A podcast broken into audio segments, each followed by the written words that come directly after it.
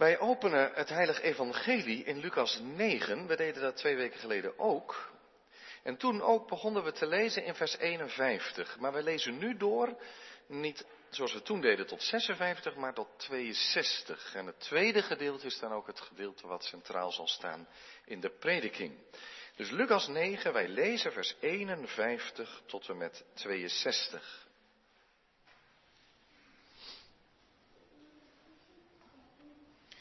Lucas 9, vers 51, daar beginnen wij te lezen. Het geschiedde toen de dagen van zijn opneming vervuld werden, dat hij zijn aangezicht naar Jeruzalem keerde om daarheen te reizen.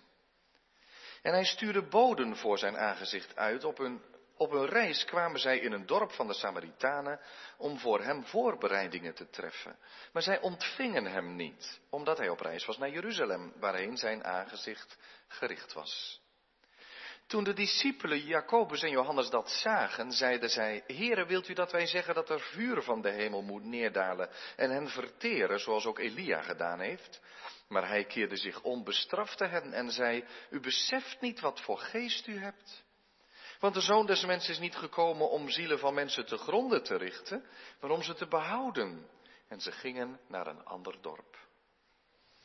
En het gebeurde toen zij onderweg waren, dat iemand tegen hem zei, Heere, ik zal u volgen waar u ook heen gaat. Maar Jezus zei tegen hem, de vossen hebben holen en de vogels in de lucht nesten, maar de zoon des mensen heeft niets waarop hij het hoofd kan neerleggen. Tegen een ander zei hij, volg mij. Maar die zei, Heere, sta mij toe dat ik eerst wegga, om eerst mijn vader te begraven. Maar Jezus zei tegen hem, laat de doden hun doden begraven, maar u ga heen, verkondig het koninkrijk van God. Weer een ander zei, Heer, ik zal u volgen, maar sta mij eerst toe dat ik afscheid neem van hen die in mijn huis zijn. Jezus zei tegen hem, niemand die zijn hand aan de ploeg slaat en kijkt naar wat achter hem ligt, is geschikt voor het koninkrijk van God. Tot zover lezen we Gods woord voor deze dienst. Zalig zijn zij die het woord van de Heere God horen en geloven en daaruit leven. Het Bijbelgedeelte dat we gelezen hebben, kan ons verbazen en irriteren, denk ik. Jezus lijkt zo onredelijk. Het lijkt wel alsof hij ieder die hem wil volgen ontmoedigt. En de vraag staat levensgroot voor ons. Vraagt Jezus te veel? Als je reclame maakt voor iets, dan moet je natuurlijk eerlijk zijn. Maar je wil mensen toch winnen voor je product. Je maakt er reclame voor. Als je als politicus op campagne gaat, dan doe je er alles aan. Natuurlijk in kaders van eerlijkheid, maar je verkoopt je verhaal en je wil dat mensen lid worden of in ieder geval stemmen. Maar Jezus voert geen campagne. Hij lijkt niet eens zijn best te doen om zoveel mogelijk volgelingen te krijgen. Hij nodigt uit om hem te volgen.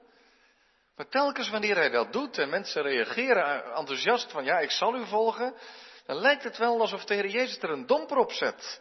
En eigenlijk je aankijkt en zegt, zou je dat nou wel doen?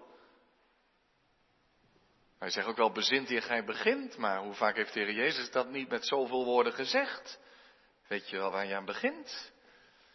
Je kunt mij volgen, maar overreken eerst eens de kosten. Denk aan die, die korte gelijkenis die de Heer Jezus vertelde, van als je een toren wil bouwen, wij zouden zeggen een carport of een garage of, of, of wat ook, een uitbouw aan je huis. En je hebt het fundament gelegd. En dan eh, is de portemonnee leeg en de bankrekening ook. En de buren komen dus vragen, hoe zit het nou precies? Eh, wanneer ga je verder? En je zegt, ja, ja, dit konden we betalen en nou houdt het op. Dan heb je kans dat er een buurman je aankijkt en zegt, had je niet even een rekensommetje kunnen maken? En dat beeld gebruikt de Heer Jezus van overrekende kosten. Weet je wel wat het betekent om mij te volgen? En uh, zou je dan niet maar direct zeggen dat je dat niet wilt of niet kan? Blijkbaar is Jezus niet bang dat mensen afhaken. Hij gaat zelfs zo ver, een paar hoofdstukken verder lees je dat, dat hij zegt, hij tegen al die mensen die hem volgen, Dan zegt hij, als je niet haat je vader, je moeder, je broer, je zus, je vrouw, je man, je kind, dan kun je mijn discipel niet zijn. Goed, het is geen gebod om mensen te haten. Je zou ook kunnen vertalen wat, wat elders ook gebeurt. Je zegt, als je hen lief hebt boven mij, maar het zijn nogal woorden. In een heel andere context, maar we begrijpen dat dan wel. In Johannes 6 komen er mensen die, die in die kring, in die grote massa rondom Jezus staan, die zeggen tegen elkaar, deze reden is hard. Hij zegt zulke harde dingen. Wie, wie kan daar nou naar luisteren? Naar wat Jezus allemaal te zeggen heeft. En velen verlieten Jezus. En dan grijp je bijna je hart vast. Als hij dan ook nog tegen zijn eigen leerlingen zegt, willen jullie ook niet weggaan? Is de Jezus dan helemaal niet bang dat hij straks geen volgelingen meer heeft? Nou, je zou, zei iemand eens, je zou het bijna begrijpen dat als hij eenmaal op Golgotha aankomt, dat hij dan echt helemaal alleen is. Dan zijn er praktisch geen volgelingen meer over. Maakt Jezus het te moeilijk? Waarom haalt Jezus zijn volgelingen niet met vlag en wimpel binnen? Maar komt hij met waarschuwing? Ik heb mij afgevraagd, hoe doen wij dat? Als wij zo graag een getuige van Christus en zijn evangelie in deze wereld zijn. Dan willen we werven voor de Heer Jezus. En dan zeggen we, en ik zeg ook niet dat we het niet moeten doen, hè. En dan zeggen we, het geloof is het beste wat je kan overtuigen. Dat is het goede nieuws in deze wereld. En het is zo. We moeten het zeggen ook. En dan hebben we met geduld met mensen die zoeken. We zijn zeer omzichtig. We zeggen neem de tijd om dingen te ontdekken en misschien uiteindelijk tot een keuze te komen. We zijn erg voorzichtig en we hopen dat het geloof groeit. We willen er alles aan doen om bij wijze van spreken de moeilijkheden nog weg te halen die dat met zich brengt. Zitten we ernaast? Vergissen wij ons? Zijn we te bang om mensen te verliezen?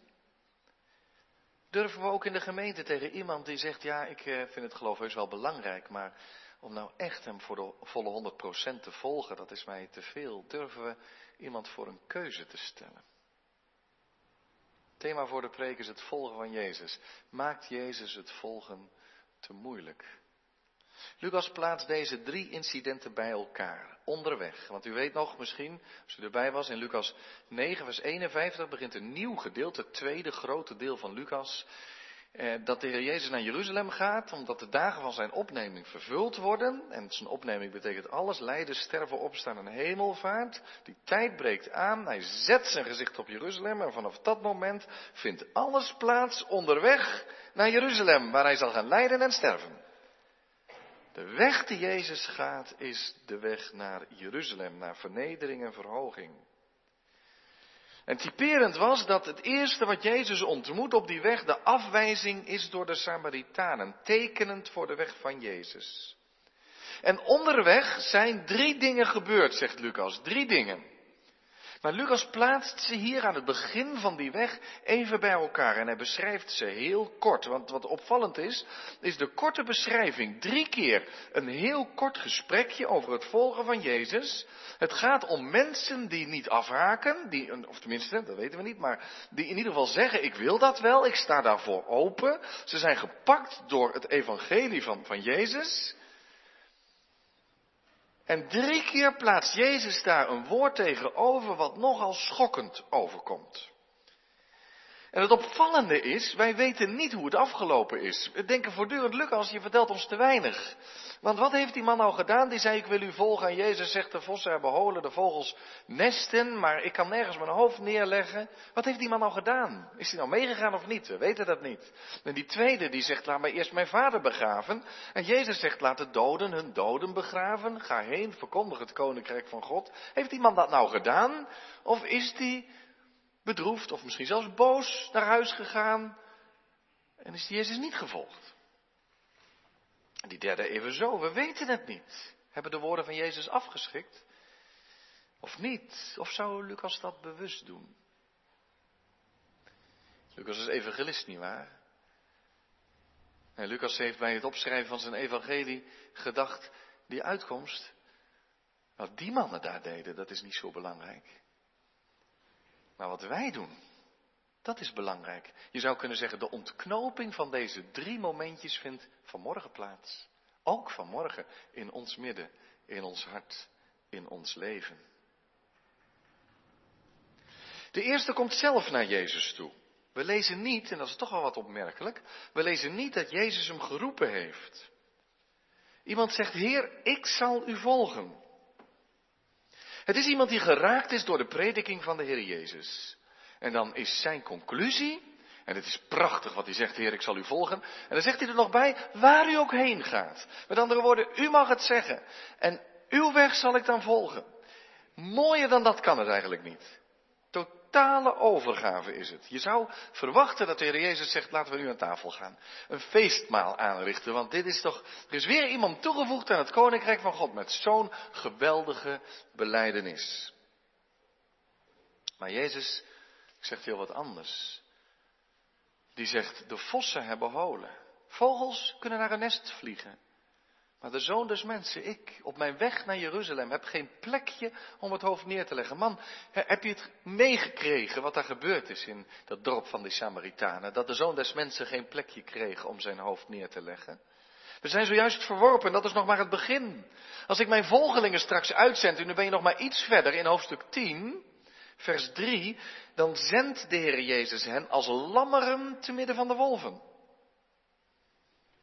Mijn weg leidt naar Jeruzalem. En in Jeruzalem, daar wacht het kruis. Je zegt, Heer, ik wil u volgen waar u ook heen gaat, maar weet je wel wat je vraagt? Besef je het ook? Jezus zegt hier, je kunt het zo graag willen, maar ik voorzie dat enthousiasme best wel snel overgaat. Als het dat alleen is, heeft je volgen grond. Je kunt alleen volgen als de Heer je roept, krachtig met zijn stem in je hart. Het kan niet, lijkt Lucas hier te zeggen, gebaseerd zijn op je eigen overtuigingen, dat je dan zegt, ja, daar kies ik voor en ik ga het volhouden. Ook nee, je overziet het niet. Je zult afhaken, tenzij zijn stem weer klinkt in je hart. Dat is het eerste. Besef dat als je Jezus volgt, je met hem op de kruisweg gaat. Je deelt in zijn lijden. Je zult jezelf verloochenen. Je zult lijden ontmoeten. Wie wil dat? Hij of zij die geroepen is door Jezus. Die tegen je zegt, volg mij. En het weer klinkt in je hart. En je zegt, help mij. Ik kom daar straks nog op terug. De tweede wordt wel door Jezus geroepen. Volg mij, zegt Jezus, zoals Petrus, die zijn netten verliet, en zoals Levi, die zijn tolhuis verliet. Wat bedoelt Jezus als hij dit zegt? Nou echt, zoals Petrus en Levi, opstaan uit je oude bestaan. Petrus en Levi mochten niet zeggen, Heer, goed, ik wil u volgen, ik heb in de avonduren nog wel wat tijd, ik ga gewoon door met mijn werk, want het is een eerlijk beroep, en dat was het natuurlijk ook, visser. Tolhuis, daar moeten we nog eens maar zo een andere keer over praten, dat is misschien net iets minder eervol, maar het punt is dat ook Petrus zijn oude job moet achterlaten. Ze moeten allebei echt met Jezus mee. Eh, en daarmee markeert Jezus dat zijn komst een nieuw leven betekent. Het oude is van de doden en dat gaat voorbij. Hij is de vorst van het leven. En hier zegt deze man, als hij Jezus hoort, die zegt volg mij, dan zegt die man dat wil ik. Dus ook deze staat ervoor open, maar, zegt hij, mag ik uitstel. Nu dat komt op ons heel redelijk over. En je moet het niet verzachten, zoals sommigen wel zeggen, ja, die man die zal nog heel vitaal geweest zijn, die heeft misschien al 10, 20 jaar te leven, dus die man die kiest voor uitstel en zal al afstel van komen. Nee, ga er maar vanuit dat die man op sterven ligt. Misschien zelfs al gestorven is. Het is een heel redelijk verzoek. En bovendien, het was zeer belangrijk om je vader te begraven. Nou, dat, hoef ik, dat klinkt net alsof ik iets nieuws vertel. Dat is natuurlijk niet zo. Maar zeker in die tijd was het ook een wet die alle andere wetten van Israëls God oversteeg. Je werd er onrein van om een dode aan te raken, maar dat gaf niet, want dat stond heel hoog aangeschreven. Je moest dat doen. En dan klinkt het heel onredelijk wat de Heer Jezus dan zegt, want hij zegt, laat de doden hun doden begraven, maar jij ga heen, verkondig het koninkrijk van God. Waarom zegt hij dat nou? Jezus zegt, het volgen van mij is van zo groot belang. Daar mag niets tussenkomen. Zelfs niet een wet van God. Geen familieband. De doden, dat is straks voorbij als het koninkrijk van God echt helemaal aanbreekt. Daarom zegt hij, laat de doden hun doden begraven. Verkondig dat koninkrijk van God wat van het leven is. Kijk, Jezus' woorden zouden totaal absurd zijn. Als hij niet zelf de zoon van God was, die de dood ging overwonnen, winnen en het leven gaf. De derde zegt, ik zal u volgen, maar, en dan voelen we al wel een beetje nattigheid, hè? Maar, mag ik even afscheid nemen? Dat kost nog veel minder tijd. En bovendien, je had nog wel een oud-testamentische geschiedenis waarop je je beroepen kon. Denk aan Elia die naar Elisa toe gaat. De man is aan het ploegen. Hij werpt zijn profetenmantel over Elisa heen. En Elisa begrijpt direct hoe laat of het is. Hij zegt, ik zal met u meegaan, maar mag ik eerst afscheid nemen? En Elia zegt, nou, je doet maar. En dat afscheid pakt Elisa overigens wel heel duidelijk aan. 1 Koningin 19 is het. Dat afscheid pakt hij heel groots aan, want hij, hij maakt het, de, de, ploeg, die breekt hij in stukken en daar gaat hij een vuurtje van stoken. En de runderen waarmee hij aan het ploegen is, die gaat hij offeren. Dus het is wel echt een afscheid, zeg maar. Over je schepen achter je verbranden, een nieuw leven breekt aan. Elisa mocht het. Maar Jezus zegt, hij zegt ook niet, het mag niet, maar hij zegt wel iets heel belangrijks. Hij zegt, niemand die de hand aan de ploeg slaat en kijkt naar wat achter je ligt, is geschikt voor het koninkrijk van God. Hoe ging dat als je ging ploegen? Je had met één hand de ploeg beet en je mende de runderen, maar je oog was gericht op het eindpunt om recht tevoren te trekken. Ik vind dat altijd zo indrukwekkend. Uh, dat uh, die boeren dat allemaal kunnen, die rechten voren, maar dat, uh, het schijnt met GPS enzovoorts allemaal te gebeuren. Maar goed, ik heb nog steeds heel veel ontzag voor mensen die dat zo prachtig kunnen. Vroeger konden ze het zonder GPS. Maar als je, kun je je voorstellen als je aan het ploegen bent, je bent voortdurend achterom aan het kijken. Ik weet niet hoe die voren er dan uit gaan zien, maar dat gaat niet goed. Dat beeld gebruikt hij. Het was een heel bekend beeld natuurlijk van, je moet je puur focus op dat ene punt. Dat hou je in de gaten. Dan ga je er recht naartoe. Dat is bezig zijn in Gods koninkrijk. Dat is Jezus volgen. Je oog op Hem en op Zijn toekomst gericht. En niet omkijkend. Want als je dat het oude leven wil vasthouden, dan zul je niet de rechte weg gaan. Dus ook die radicaliteit klinkt hierdoor van, ik ben het nieuwe leven komen brengen. Laat je oog op mij gericht zijn. Elders zegt de Heer Jezus, denk aan de vrouw van Lot die weliswaar bevrijd werd uit Sodom, maar ja, er zo nog aan vast zat, ze keerde zich om. Denk aan de vrouw van Lot. Nodig is blik op Jezus en op Gods koninkrijk. Niemand kan het tegelijk. Of we zullen voortdurend naar ons oude leven teruggaan. Herken je dat niet? Dat, zit hier ook niet iets van hinken op twee gedachten in. Dat je als je in de kerk bent, dat je dan zegt, ja, het is belangrijk, het is belangrijk, we moeten Jezus volgen. Maar je komt thuis en er zijn ook tegenkrachten en tegenmachten die het makkelijk winnen.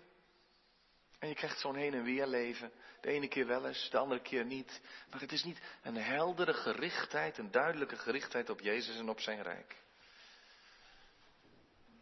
Dan heb je twee willen in je. Vast willen houden aan je oude leven. En tegelijk ook Jezus willen volgen. Maar Jezus zegt, dat gaat niet goed komen. Dan trek je geen rechte voren. Wat is hier nu gaande in deze drie gebeurtenissen? Waarom vraagt Jezus het uiterste? Waarom neemt hij het risico dat de mensen dan zeggen, ah, dan maar niet, dat, dat red ik niet. En hoe zit dat bij ons? Als Lucas dan inderdaad het zo kort vertelt en hij de uitkomst openlaat en eigenlijk zo voor ons neerlegt, zeg het maar. Nu zeg het maar, nodig dit gedeelte uit om Jezus te volgen. Ik denk het wel, maar we hebben nog wel een sleutel nodig.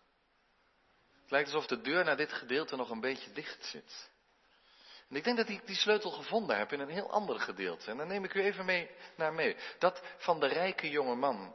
Weet u wel, die man die naar Jezus toekomt en zegt, wat moet ik doen om het koninkrijk van God binnen te gaan? En Jezus zegt, nou je weet toch wat er in de wet staat? En die man zegt, ja dat heb ik eigenlijk gedaan van mijn jeugd af aan. Is het dan genoeg? Moet er nog meer bij? En dan zegt Jezus tegen deze man, ga naar huis, zet alles op tweedehands.be, geef de opbrengst aan de armen, kom terug en volg mij. En dan blijkt te veel gevraagd, want je ziet het gezicht van, van, van verwachtende spanning eigenlijk in verdriet omslaan. Die man staat er, die jongeman die gaat bedroefd weg. En er staat zelfs, Jezus beminde hem. En dan vraag je toch, waarom is Jezus dan niet als die man weggaat achter, achter hem aangegaan en zegt, beste jongeman, nou zo bedoelde ik dat ook niet hoor, zo zwart-wit liggen de dingen ook weer niet. Dus um, we kunnen het ook anders, als dit er veel voor je is, goed, doe dan gewoon 10% weggeven. Dan kun je de rest gewoon zelf houden en dan kun je ook wel een volgeling van me zijn. Waarom laat Jezus die man gaan? Waarom houdt hij hem niet tegen? Waarom doet hij van die totale eis niets af? En het komt nogal hevig binnen, want de discipelen staan er eigenlijk een beetje verbluft bij. En dan zegt Jezus, hoe moeilijk gaat een rijke binnen in het koninkrijk van God? Er kruipt nog makkelijker een kameel door het oog van de naald dan dat een rijk het koninkrijk van God binnengaat. Waarop de discipelen, die zelf helemaal niet rijk zijn, notabene zeggen, ja, maar dan is het onmogelijk voor iedereen. Wie kan dan zalig worden, zeggen ze. Wie kan behouden worden? Dan kan toch niemand behouden worden? En daar komen we bij de sleutel. Want wat zegt Jezus dan? Ook dan zegt Jezus niet, ah, maar je, tilt er een beetje te zwaar aan. Het kan ook wel met iets minder. Je kunt het wel een beetje voegen en plooien. En, en, en dan zegt Jezus heel eenvoudig, wat bij mensen onmogelijk is, is mogelijk bij God. Dat is de sleutel. Het is onmogelijk want een kameel kan niet door het oog van een naald. En een rijke niet het koninkrijk van God binnen. En een mens niet tot vernieuwing komen. Maar wat bij mensen onmogelijk is, is mogelijk bij God. En dan is zo frappant dat die discipelen, Petrus de spokesman natuurlijk, Petrus, die zegt, opeens valt het kwartje. Die zegt, heren, wij hebben alles verlaten en zijn u gevolgd. Alsof hij helemaal verbaasd is zelf. En ik denk dan dat het gesprek had makkelijk verder kunnen gaan dat Jezus vroeg Petrus. En was dat moeilijk? Nee, dat was eigenlijk helemaal niet moeilijk. Er was niks moeilijks. Dat ging vanzelf. Waarom dan Petrus? Want het was nogal wat. Een ambacht wat je van je vader had geleerd zomaar achterlaten. Dat is niet niks. Waarom was dat zo makkelijk? Omdat u het zei. Omdat u het zei. En er was iets in uw woord wat.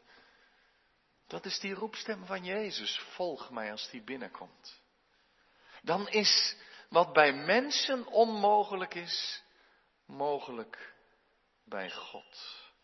Kijk, het moet door die onmogelijkheid heen, ook in ons leven. Het gaat alleen als je ziet dat het niet kan op eigen kracht en met eigen overtuiging. Dan blijft alleen de wijze van het gebed over. Begrijpt u? De Heer, help me dan. Leid mij dan. En dan betekent het, pas als we dat zien en zo de sleutel tot dit gedeelte hebben gevonden, pas dan kunnen we ook zeggen, maar man, ga rustig je vader begraven. Of blijf maar gewoon je werk doen. Kijk, sommigen willen dit gedeelte toch weer anders. Die halen er een beetje de scherpe kantjes vanaf. En ik kan daar niet in mee. Die zeggen ja, ze hoefden niet. Je kunt ook een volgeling van Jezus zijn als je thuis blijft. Dit gaat speciaal om een taak in Gods koninkrijk. En ik geloof dat niet. Want het gaat hier om leven en dood. Het gaat hier om het volgen van Jezus. En bovendien, een taak in Gods Koninkrijk, ook predikanten en zendelingen denken goed na over afscheid nemen en uh, of het allemaal kan voor de kinderen enzovoorts. En die moeten dat ook maar doen ook. Nee, het gaat over elke volgeling. Het gaat om Jezus volgen en het is een zaak van leven of dood. Elders zegt Jezus dat ook. Je kunt geen discipel van me zijn als je niet je leven inlevert bij mij. Want wie zijn eigen leven zal willen behouden, die zal het verliezen. Maar wie het zal verliezen om mijnentwil, die zal het behouden, die zal het vinden. En wij? Deze drie ontmoetingjes op de weg naar Jeruzalem zijn niet bedoeld om iemand af te schrikken. Om je tegen te houden. Maar wel om je te waarschuwen, doe het niet in je overmoed, Jezus volgen. Het is niet een soort uh, kamp Waas. Of kamp van Koningsbrugge, voor de liefhebbers. En dat je voortdurend zegt, ik, uh, ik geef niet op, ik geef niet op. Ik hou vol, tot het bittere einde. Eigenlijk zegt Jezus vanmorgen tegen ons, het begint pas als je het opgeeft. Als je zegt, Heer, het kan niet. Het vraagt mijn alles en het is ons als mensen niet gegeven. Wij houden zo ons eigen leven vast. Ons gerief, ons genot. Je moet vanmorgen juist opgeven. Heren, wie kan dan zalig worden? Maar wat bij mensen onmogelijk is, is mogelijk bij God. En op het moment dat jij dan zegt, Heren, help, werk dan in mij, Heren, en schenk mij alstublieft wat u van mij vraagt. Dan volg je. Dan volg je. Amen.